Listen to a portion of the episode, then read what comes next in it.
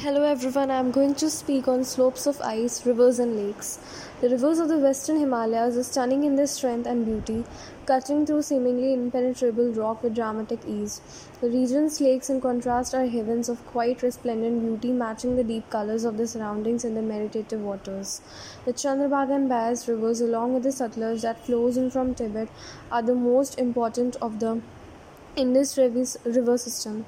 Together, they water the lands of Lahaul, Spiti, and Kinnaur. In low altitude areas, there is some vegetation around these rivers and their valleys, but as altitudes increase, the landscape becomes increasingly barren and desert like.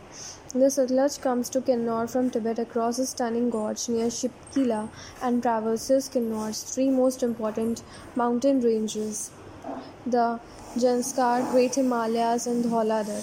The river's valleys become gentle and green as it descends and hospitable to village life. Its major tributary, the Baspa, starts near the Indo-Tibetan border and flows for 70 km, forming a beautifully wide wooded and arable valley before merging with the Satluj.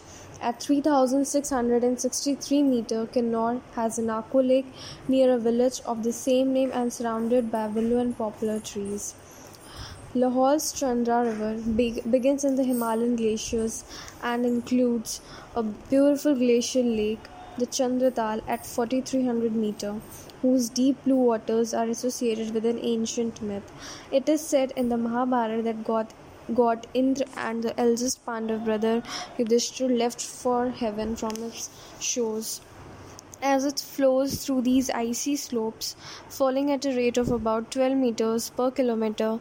The area around the Chandra changes until Tandi, the Chandra merges with the Bhag to form the state's largest river, the Chandra Bhag or Chenab.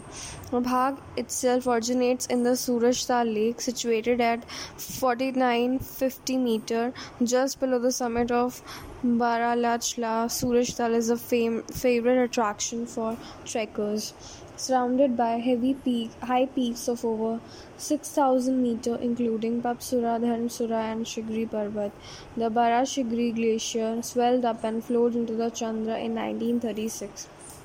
The glacier, the longest in Himachal Pradesh, is 25, 25 kilometers long and about 3 kilometers wide.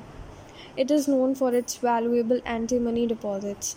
The magnificent glacier can be seen on the right as one drives towards Batal from Shatru. The Spiti River originates near the Kunjum Pass from Spiti with a crest marked by several stones and forms the rocky steep Spiti Valley.